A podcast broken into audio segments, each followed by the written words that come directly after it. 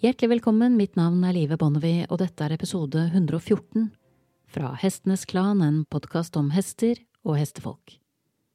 I dagens episode så får du del to av intervjuet med etolog og forsker Grete Jørgensen. Og hvis du ikke allerede har hørt del én, så anbefaler jeg sterkt at du hører den episoden først. For vi går som vanlig rett på sak.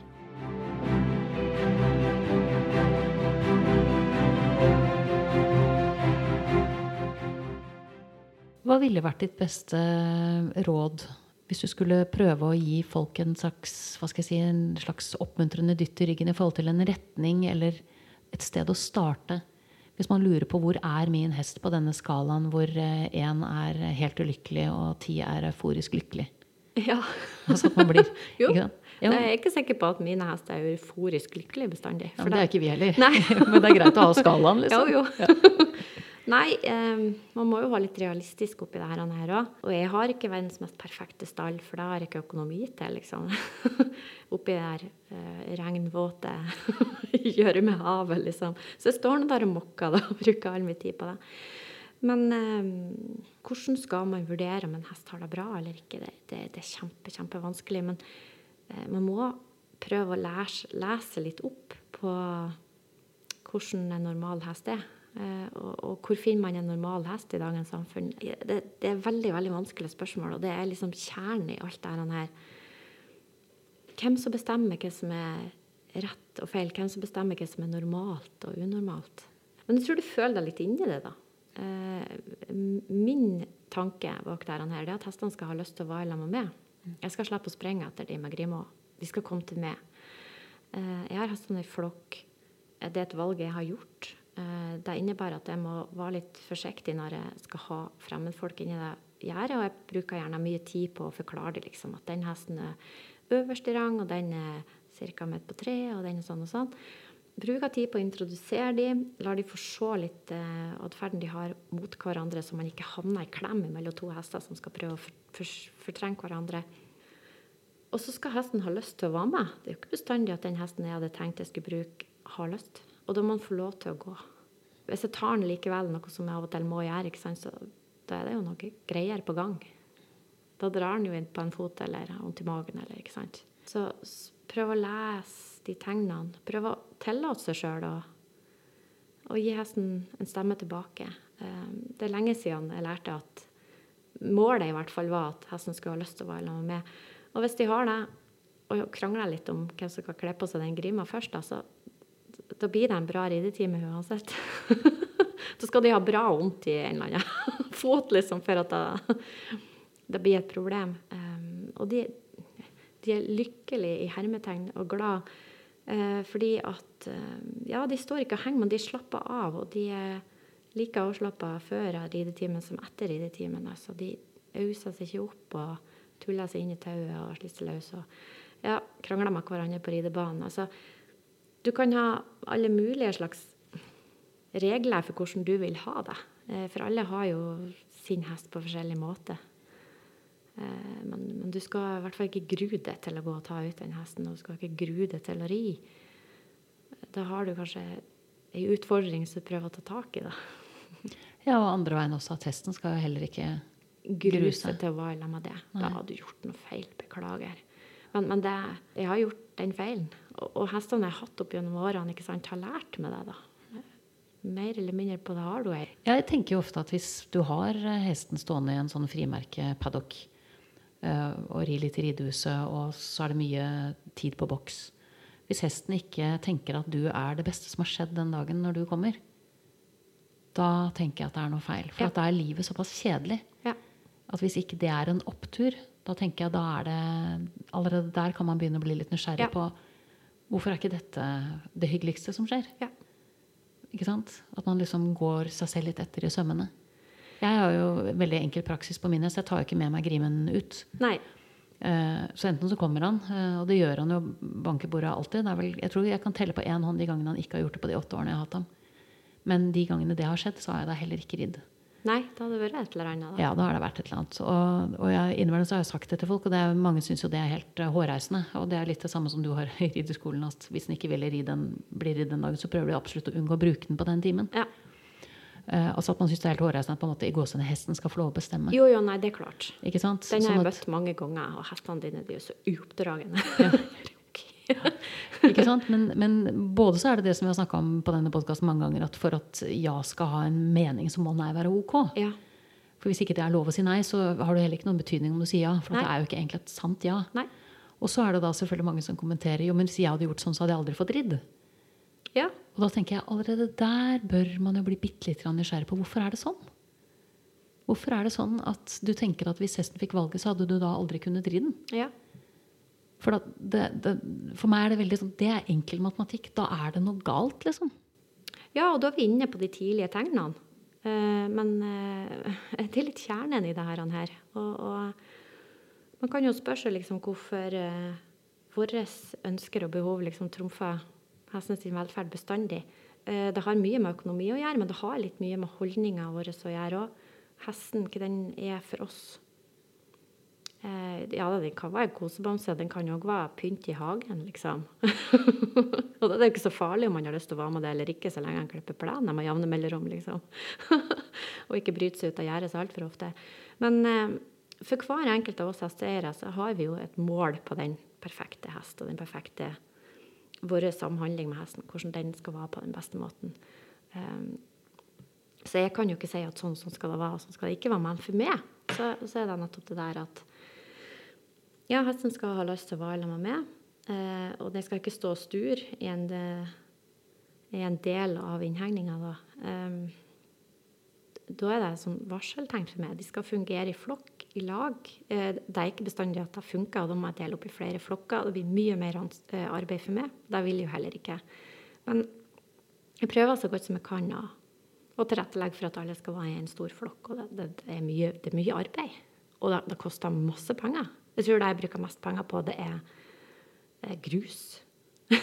for å unngå gjørme. Og det jeg bruker mest tid på, det er å møkke i det der uteområdet, sånn at det er i orden. Og likevel ser det ikke ut til tider, liksom, fordi det regner og det regner og det regner. Så, så det ligger et, et sånn uforholdsmessig kanskje veldig, veldig mye mer arbeid i det å gi hesten det man kan kalle for optimale leveforhold, enn å hente han nystrigla på en firkantig paddock der han ikke har rulla seg engang, for han hadde dekken på utgangspunktet, liksom, så det vises ikke at han har rulla seg, og så bare ri, og så setter han tilbake igjen der. Eller setter den i boksen etterpå. Jeg ser den, men jeg har nå gjort et annet valg da i løpet av noen 30 år, liksom. Så man lærer jo hele tida.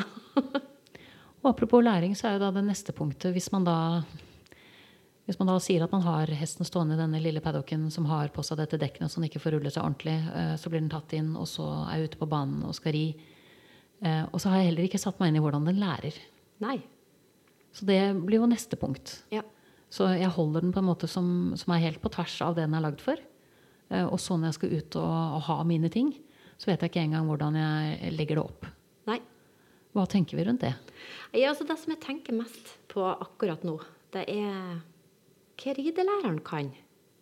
Ja, og jeg skal ikke skjære alle ridelærere over en kam, absolutt ikke. Men det må jo begynne en plass. Vi tar jo alle sammen ridetime. Og når jeg for n-te gang tar ridetime og får beskjed om å bruke pisk og spore, og hesten min bare 'hjelp, hva er det som skjer', eh, så tar jo jeg hesten min og går derifra. Men det gjør ikke de 13-14-åringene som går på rideskolen. altså på andre plasser, som ser opp til de her topprytterne på stallen sin, og, og, og lærer av hverandre hvordan ting skal gjøres, ikke gjøres. Det er veldig mye våpen og ammunisjon der ute. Og, og hvor kommer alt det der ifra? Er, er alle rideinstruktørene helt fri for læringsteori? Jeg beklager, jeg setter ting på spissen her, men jeg, jeg blir reelt sjokkert. Og det skjer gang på gang. Jeg skal òg liksom ut og prøve å trene for diverse trenere. Den ene er flinkere enn den andre. Og det eneste det går på, det er å gi uh, så vanskelige signaler. ikke sant? Du skal dra foran og sparke bak. At den hesten min, stakkar, den skjønner jo ikke bæret. Men hjemme kan en altså gå i, i bitte løst hodelag på tøylen, som vi sier da, uten problemer. Og bærer seg bare fint. Eh, hva er det vi ikke ser? Liksom? Hvor, hvorfor er vi ikke kommet lenger? Eh, jeg har jo sagt mange ganger at hestesporten ligger jo flere hundre år etter, og da ser vi jo på oppstallinga. Det er jo ingen som holder kyr og gris og, og sånn én og én lenge. Det er jo krav om at de skal være sammen. De skal ha løsdrift, liksom. Og det finnes masse flotte løsninger for både innredninger og, og uteløsninger, løsdrift for, for husdyr, altså produksjonsdyrene våre. Men på hest så er det kjempetradisjonelt. Det skal være én og én, og det skal gjerne være manuelt arbeid. Der eh, stalljenter skal gå og møkke ut i denne stallen. Eller eieren skal gjøre det, da. Eh, døgnet på tamp alle dager hele året. Um, det, det, går jo ikke framover. Og jeg syns hundeverdenen har kommet veldig mye lenger når det gjelder det med læringsteori. Og læringsteori er jo ikke bare positiv forsterking, det er jo hele hjulet på, på hvordan ting fungerer. Hvordan opplever dyret straff? Hvordan opplever dyret positiv straff, negativ straff? Og forsterking. Hva er det dyret opplever som forsterking? Da? Positiv forsterking eller negativ forsterking? Det er jo ikke sånn at jeg går ut og bare trener hesten min med positiv forsterking. Det går ikke, det. Med mindre jeg ikke har på grima, vel å merke. Men i det øyeblikket jeg tar på ei grime og drar i tauet, så har jeg jo gjort en negativ forsterking. Hvis jeg slipper slapp litt på det der trykket igjen. Og det gjør vi jo stort sett. så, så, vi må jo ikke tro at vi bare bruker det ene eller det andre. Men den forståelsen av hvordan dette henger i hop, den savner jeg så grunnleggende. Men hvorfor er ikke det mer fremtredende hos de som skal lære oss det her, rideskolelærerne? For hundetrenerne er blitt så mye flinkere. Men det har jo skjedd noe, og det er i løpet av de siste 25 årene har en opplevelse av. Så kanskje vi greier å komme dit på, på hestesida òg, etter hvert. Jeg har jo faktisk kontakta Starum og bedt om et intervju i forhold til hva slags type utdannelse de tilbyr i ridlæreren, og hvordan, hvordan, de går fram og hva de vektlegger. Bare for å høre litt hva en institusjon som utdanner så mye ridlærere i Norge, har å si, egentlig. Ja. Altså hvordan de, ja, hva de vektlegger, rett og slett. Ja. Ikke fått svar ennå, men jeg prøver å henge på. For jeg tenker at det er litt viktig å, å starte ved rota på et eller annet vis. Ja. For det kan hende at det som skiller hest og hund, er at instruktørene rett og slett bare er blitt sterkere, eller de som utdanner dem, er blitt mer bevisste, og så har det filtrert nedover i næringskjeden eller oppover, alt ettersom hvordan du ser det. Ja, men jeg lurer litt på det. Eh, men så har jo folk òg sett liksom, hva fungerer for meg og min hund. For det finnes jo fortsatt de som trener hunden ganske så strengt. Med straff og, og negativ forsterking. Fortsatt og, og, veldig opptatt av det her dominans og du skal ha sjef over din hund, eller alt annet er farlig. Eh, og det er klart, hesten er jo kjempemange flere hundre kilo enn det. og kan opptre som, som veldig farlig hvis den ikke gjør som den får beskjed om. Eh, men, men, jeg savner veldig det der. Jeg, jeg blir veldig ofte uglesett når jeg kommer deisende med den der bageveska mi. det hører ingen steds hjemme. Hva sa du når du kommer deisende med Mageveska mi ja. med godis i. Hestegodis. Og det er jo ikke sånn at jeg stuker i denne hesten hele tida, men det er tydeligvis et veldig sånn forvirrende moment. altså, I hundeverdenen så har de jo, hadde de jo en, det har jeg i og for seg snakket med en del hundefolk om, denne, eh, det som de da refererte til som pølsetanter. Okay. Det er tanter, selvfølgelig kvinner, eh, som har pølse i veska. Ja. Det kalte de bare for pølsetanter. Og de sa det på en sånn negativ Men litt sånn negativ ordør. Der kommer pølsetanten og vimser med sine ting. på en måte. Ja. Men litt sånn både innenfor hest og hund så tenker jeg at pølsetanten har skjønt en hel del om hvordan dyret lærer. Ja. Eh, og jeg tenker når man prøver å lære noe selv også, så må man også bare Jeg kan ta det varvet, tenker jeg, for, ja. for ens egen del. Og tenke hvordan er det jeg selv lærer? Ja. Eh, liker jeg å få kjeft? Eh, f.eks. Ikke så veldig Nei. motiverende. Vil jeg, vil, jeg, få en smekk hvis jeg gjør noe feil, eller vil jeg få en oppmuntring til å gjøre det riktig neste gang? Det er jo veldig mye av dette som er common sense. Ja. Men som en annen eh, gjest jeg hadde for en stund siden, sa common, The thing about common sense is that it's not so common. og det er noe i det. Altså at vi, vi, trenger å smarte oss litt opp i forhold til, uh, i forhold til dyrene våre. Det er, jo, det er jo litt snakk om eh, kompetansekrav for å ha hest og hund og alt det her. Og, og det har vært mye breduljer å snakke om det tidligere. ikke sant? For, for Mattilsynet har sagt at det skal være kompetansekrav for både storfe og sau og gris og, og hest. Eh, men særlig på hest så var det sånn Hvem er det som skal bestemme hva som er rett? Hvorfor er det sånn på hest, eh, jeg tror jeg er mye større grad enn veldig mange andre ja. dyr, at vi blir ikke enige? Nei. Eller hvorfor er det? Jeg tenker jeg vet hvorfor det er sånn. Det er jo pga. følelsene. Ja, ja. Altså at det er mer følelser knytta til en hest enn det er til en sau og en ku og en gris og en høne. altså. Og de kommer litt i veien for oss, og så ser vi ikke alltid klart. Og så tar man ting personlig når det egentlig er veldig veldig objektivt. Ja. Fordi den er så stor og så viktig del av livet vårt, identiteten vår, ikke sant? hvem vi er. ja. Så jeg tenker kanskje det er det som holder det veldig mye tilbake. da. ja. At vi ikke klarer å betrakte hesten som, som hest, som noe isolert fra oss, men, men som en forlengelse av oss selv. Og så er vi liksom litt fanget i det på en eller annen måte. Jeg vet ikke, man, man blir jo nysgjerrig på hvorfor vi er så bakpå. For jeg er helt enig, det er jo tiår, hundreår. Altså, ja, vi er Ja. langt bakpå. Det er langt bakpå. Man kan snakke dritt om huset ditt og bilen din, men du kan ikke si noe dårlig om bikkja. Og du får ikke nevne den hesten. Ja, og så er det jo dette også med Vi snakket litt om dette med å gjenkjenne en normal hest. på en måte, eller det som jeg ofte pleier, altså Bare det å kunne gjenkjenne en sunn hest da, Ja. kan være utfordrende nok hvis du aldri har sett en. Så jeg føler veldig ofte at jeg snakker om noe som, som for andre er usynlig. Og da blir det litt sånn påstandspreget. Ja. Eh, og jeg husker det fra når jeg hadde det sånn. Jeg sier ikke at jeg ser alt, men jeg ser veldig mye mer nå enn jeg gjorde for 40 år siden. Det er, sånn er det heldigvis bare. at man, Det kommer jo med årene også. Men dette med, med mentalt avslått, det er mer subtilt. ja. Altså at hesten ikke står og veiver eller ikke biter etter eller gjør de tingene som, hvor du i hvert fall får muligheten til å skjønne at her er det et eller annet på gang. Ja. Men den er bare um, compliant, som det så pent heter. Den er bare lydig og gjør som den får beskjed om punktum. Ja. Eh, Og så er det ikke så mye mer der. Hva tenker vi rundt det? Altså dette med avslåtte hester, og, og både hvorfor de blir det, som du kanskje er i posisjon til å si litt om, men også hvordan man kan gjøre folk mer bevisst på å klare å gjenkjenne det. Ja, eh, det finnes jo folk òg som er mentalt avslått. Eh, Det er veldig interessant, egentlig. Eh, Det er jo mange år siden nå, men det var jo flere som adopterte barnehjemsbarn fra Romania og tror Russland. Der de hadde store barnehjem. Eh, eh, Og der ungene liksom vokste opp i hver sin seng, på en måte. Og så ble det jo skifta på alt det her, men de mangla den der eh, humane kontakten, den, den fysiske kontakten med mor i de første leveårene. Eller kanskje bare de første månedene før de ble adoptert bort. Og det hadde så store konsekvenser for deres sosiale liv etterpå. ikke sant? Evne, emosjoner, evnen til å, å føle empati, f.eks.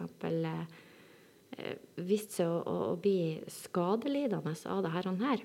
Her. Det er gjort studier på det, og det er rapportert, og det er kjempeskremmende. Er det det samme vi gjør med hestene, egentlig?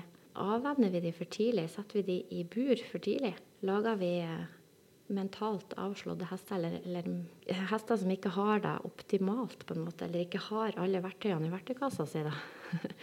Hester som ikke er eh, 100% hester, på en måte. Ja, og de har ikke lært det. Jeg har sett hester som ikke kan f.eks. time-out-signalet, det enkleste signalet som gjelder når to hester møtes og skal leke i lag. liksom. Det gikk forferdelig gærent.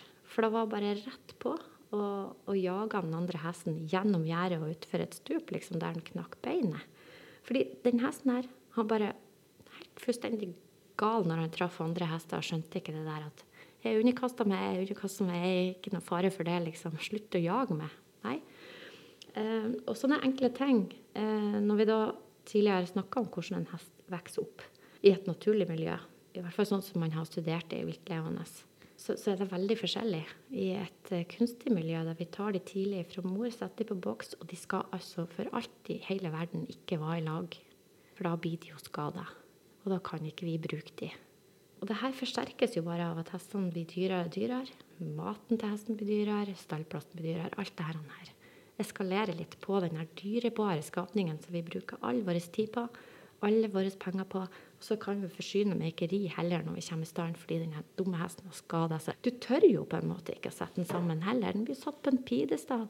Så ja, det, forsterker seg litt, men vi må stoppe, og så må vi tenke litt. Eh, Hva er det vi gjør? Hadde vi villet gjort det med en flokk med husky, f.eks.? Hvis det hadde gitt utslag at du aldri aldri kunne kjørt i spann for de hadde gått til angrep på hverandre.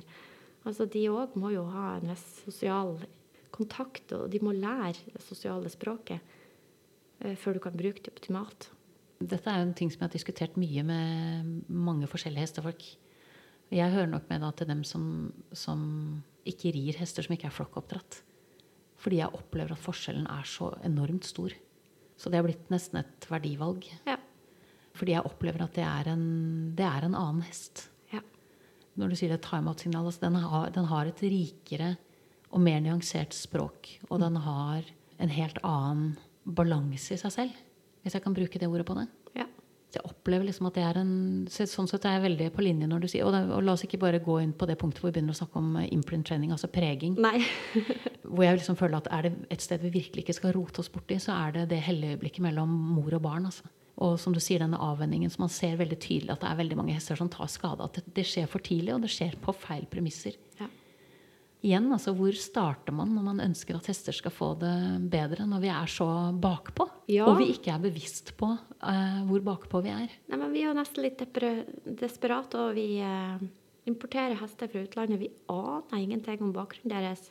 Eh, og jeg skjønner det veldig godt. Det er egentlig et veldig viktig verdivalg det å ikke satse på en hest som du ikke aner opp ned på. Altså, plutselig så setter den av gårde når, den, eh, når du minst forventer deg uten forvarsel. Og, og det er jo du som slår det, liksom.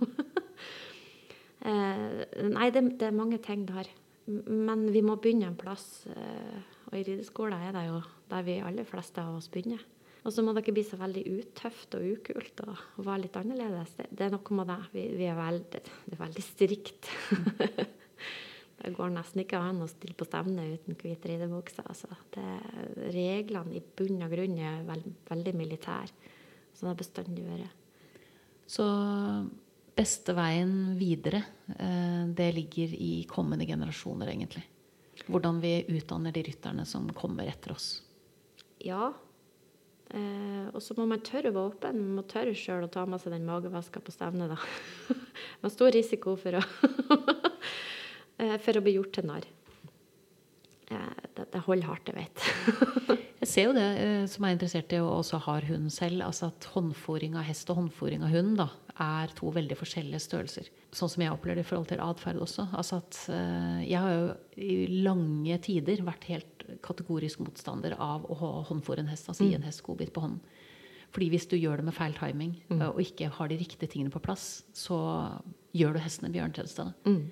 Mens hvis du vet hva du gjør, så kan det være et utrolig effektivt virkemiddel for å oppnå en annen type dialog og åpne andre dører. Og, ikke sant? Så det er, det er veldig sånn tveget sverd, føler jeg. Mens med hunden så føler jeg at det er litt mer på hundens naturlige mønster på et vis. Den, den har vært vant til å kunne komme til moren sin og slikke munnviken og få gulpet opp ting. Så det, det, er, det ligger et annet språk der som gjør at jeg føler at den håndføringstingen blir mer naturlig. Men så kan man ikke være dogmatisk. Så får jeg da en ny hest hvor det er inngangen. Ikke sant? Da har jeg på en måte hatt en hest som jeg ikke har håndfòret på 15 år og vært veldig prinsipielt. Det gjør man bare ikke. Selv om jeg har sett med sånne rescue-hester og sånne ting at det absolutt har en funksjon, så er det vært sånn Nei, det, det da gir man avkall på så mye. Men så får jeg da en ny hest som sier nei, det, det er inngangen. Ja. Og da må man jo bare si ok, men da er det inngangen. Da. Og så tar det lang tid å komme over den terskelen at man skal bli en sånn som håndfòrhest. Men dette var en hest som trengte det for at dialogen skulle starte. Ja. Eh, og da gjorde han det. Og da, da snakker jeg det språket. ja. Altså hva ellers skal man gjøre? Nei, så bra. Men jeg tenker jo at riktig bruk så er, eh, er positiv forsterkning i form av godbiter også på hest eh, absolutt eh, et veldig godt virkemiddel. Men s- stadig så føler jeg at jeg merker at jeg strekker meg etter det punktet hvor det du gjør sammen med hesten, kjennes så bra ut at godbiten blir underordnet. Ja, det er, det er mitt mål òg. Det er ingen av oss som gidder å, å ri på tur med ryggsekk liksom, bare fordi at man skal ha nok godbiter. Og man trenger det jo heller ikke, ikke sant? På tur så går det veldig lite godbiter inntrykk av fordi hesten har, har det så gøy. Vi har det så gøy i lag. Og det er jo ofte nok å si bra og flink gutt og yes, liksom. Em, det blir noe det blir ikke noe etterspurt eller et krav fra hesten heller. fordi i positiv forsterking så er det noe som heter negativ straff òg. Uh, og jeg driver jo med nordlandshest. Det er jo glupske karer liksom, som styres stort sett av, uh, av mat. da, det er inngangsporten til absolutt alt. jeg har ennå ikke møtt en nordlandshest som ikke er interessert i godbit. Og jeg tror det gjelder litt for flere raser, men negativ straff er den andre enden. Og da er det nordlandshester som bare Vet du hva, nå syns jeg at du har tilbakeholdt godbit, for det skulle jeg ha. Og bli ordentlig sånn krass på at her, her har det skjedd en ordentlig Du har gjort noe skikkelig ille mot meg. Og vi tenker ja, OK, greit. Det, det tar den. Og, og det er så mye læring i det. At, at, vi kan snakke i lag, på en måte. At den hesten kan vise følelser tilbake igjen uten at den har trua med, uten at jeg skal være dominant over den hesten, uten at jeg skal sprenge etter den største pisken jeg har, og begynne å kjeppjage den rundt omkring på ridebanen fordi den var frekk mot meg, osv., osv., osv. Det er noe med holdningen liksom, som vi lærer hos instruktørene våre, hos de vi ser opp til, da, som vi må til bunns i. Eh, så det er jo ikke bare i rideskoler og rideinstruktørene, men, men, det er da det begynner. Og så er det jo ja, de andre som jeg ser opp til. Så, så vi pølsetanten, da, vi må jo tørre å gå ut og starte litt, vi òg.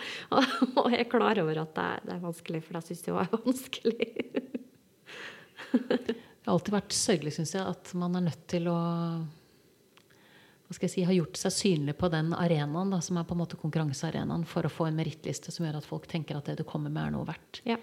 Jeg sier det er synd, for jeg, at jeg har jo sett veldig mye instruktører som har vært på, på, på, alle slags fronter. Altså Noen har vært toppryttere innenfor sine disipliner, og andre har um, bare vært ute på tur og følt i fjæra. Så jeg, liksom, jeg har vært inne i hele spennet. Men det er um, Jeg merker meg bare da at de som er best, de beste jeg har sett, de har ingen merittliste. Nei. Overhodet. Fordi de ikke har den merittlisten som gjør at jo, men han tok jo VM-gull, og da er det verdt å høre på det han har å si. Ja. Eh, og man har ikke noe forhold til hvordan han tok det VM-gullet. Man vet at han tok det. Ja. Og da er han verdt å høre på. Eh, og så går man på en måte den veien. Og så tenker jeg, som har sett begge, både han som, eller hun som aldri har gjort det, men da sant, skjønner hesten, kan kommunisere med hesten, kan danse med hesten, og så, og så er det liksom to tette og en badehette som er de som får elever. Mens de som kan faktisk lære deg hvordan du genuint sett snakker og forstår en hest, og kan komme helt andre steder med hesten enn det du kunne drømt om, de kan liksom sitte alene i sin krok. Det, for meg blir det også så pussig. Ja. Altså at, at, man, at, man, må være der ute for, og synes innenfor et system som kan være såpass dodgy som en del av konkurransebanene også byr på. Ja. Altså, det man skal vise der, er jo noen ganger veldig bra, men andre ganger så er det jo relativt dårlig for hesten også.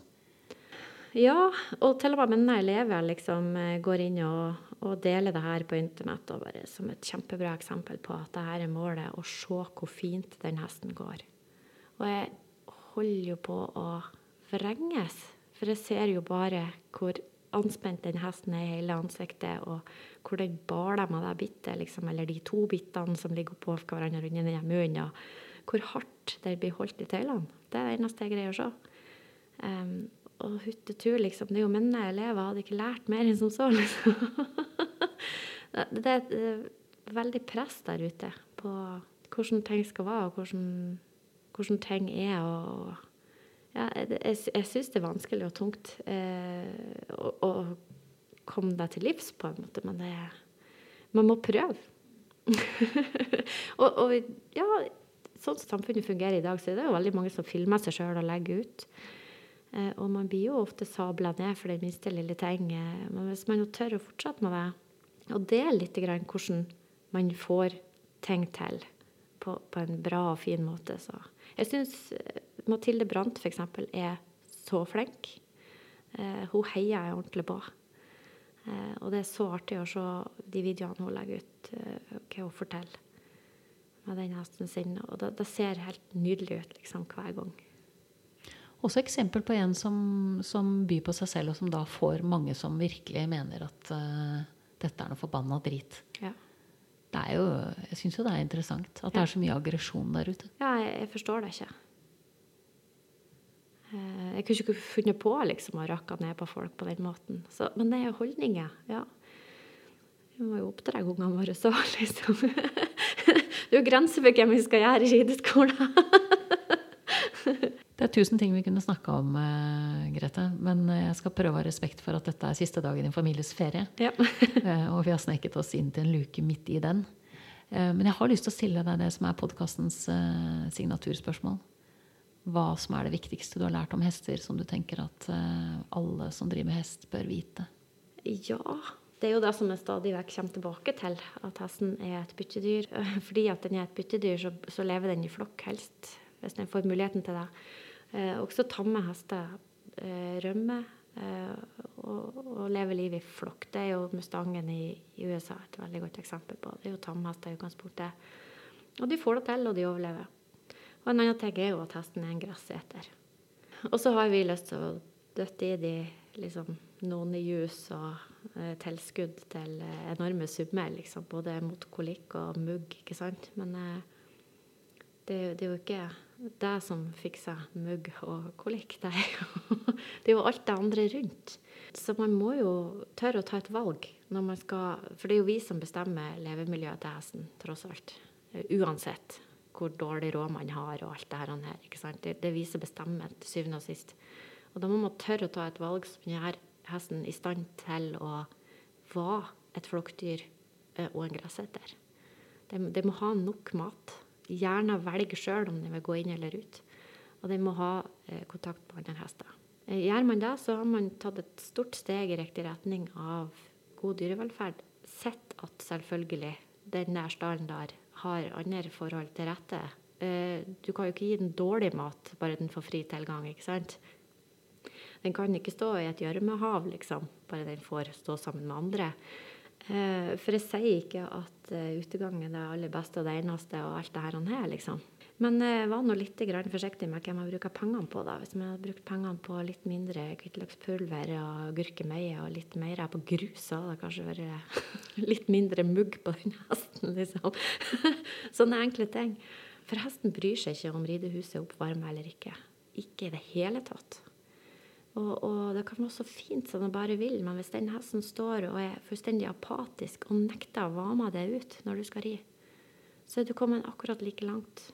Eller to steg tilbake, faktisk, mot den der skitne ponnien som står på utegangen og er kjempeglad for å se det, liksom. Du får i hvert fall ridd. Men du må jo sikkert børste i to timer først, da. Men det, er details, smithels. Her snakker vi hestevelferd. Nei, det, det, er faktisk the basics. Og det høres jo så lett ut. To ting. Men det, det viser jo å være så vanskelig. Fordi eh, vi, vi, skal bruke hesten til noe, vi. Og jeg mener ikke vi skal slippe å lese den på skogen, for da har jeg jo ikke heller hatt hest. Liksom. Jeg har jo lyst til å ri òg. Tusen takk for praten, Grete. Takk. Takk for meg. Takk for at du dukket opp eh, i nærheten av der jeg bor, så det var mulig å møtes ansikt til ansikt. Det er noe helt annet enn digitalt. Vi er jo også eh, sosiale dyr og har behov for å treffes ansikt til ansikt på ordentlig. Ja. Sånn sett så tenker jeg, hvis det er noe pandemien burde lært oss, så var det jo hvor skadelig og tøft det er å ikke være en del av en flokk. For det var vi jo ikke da. Nei.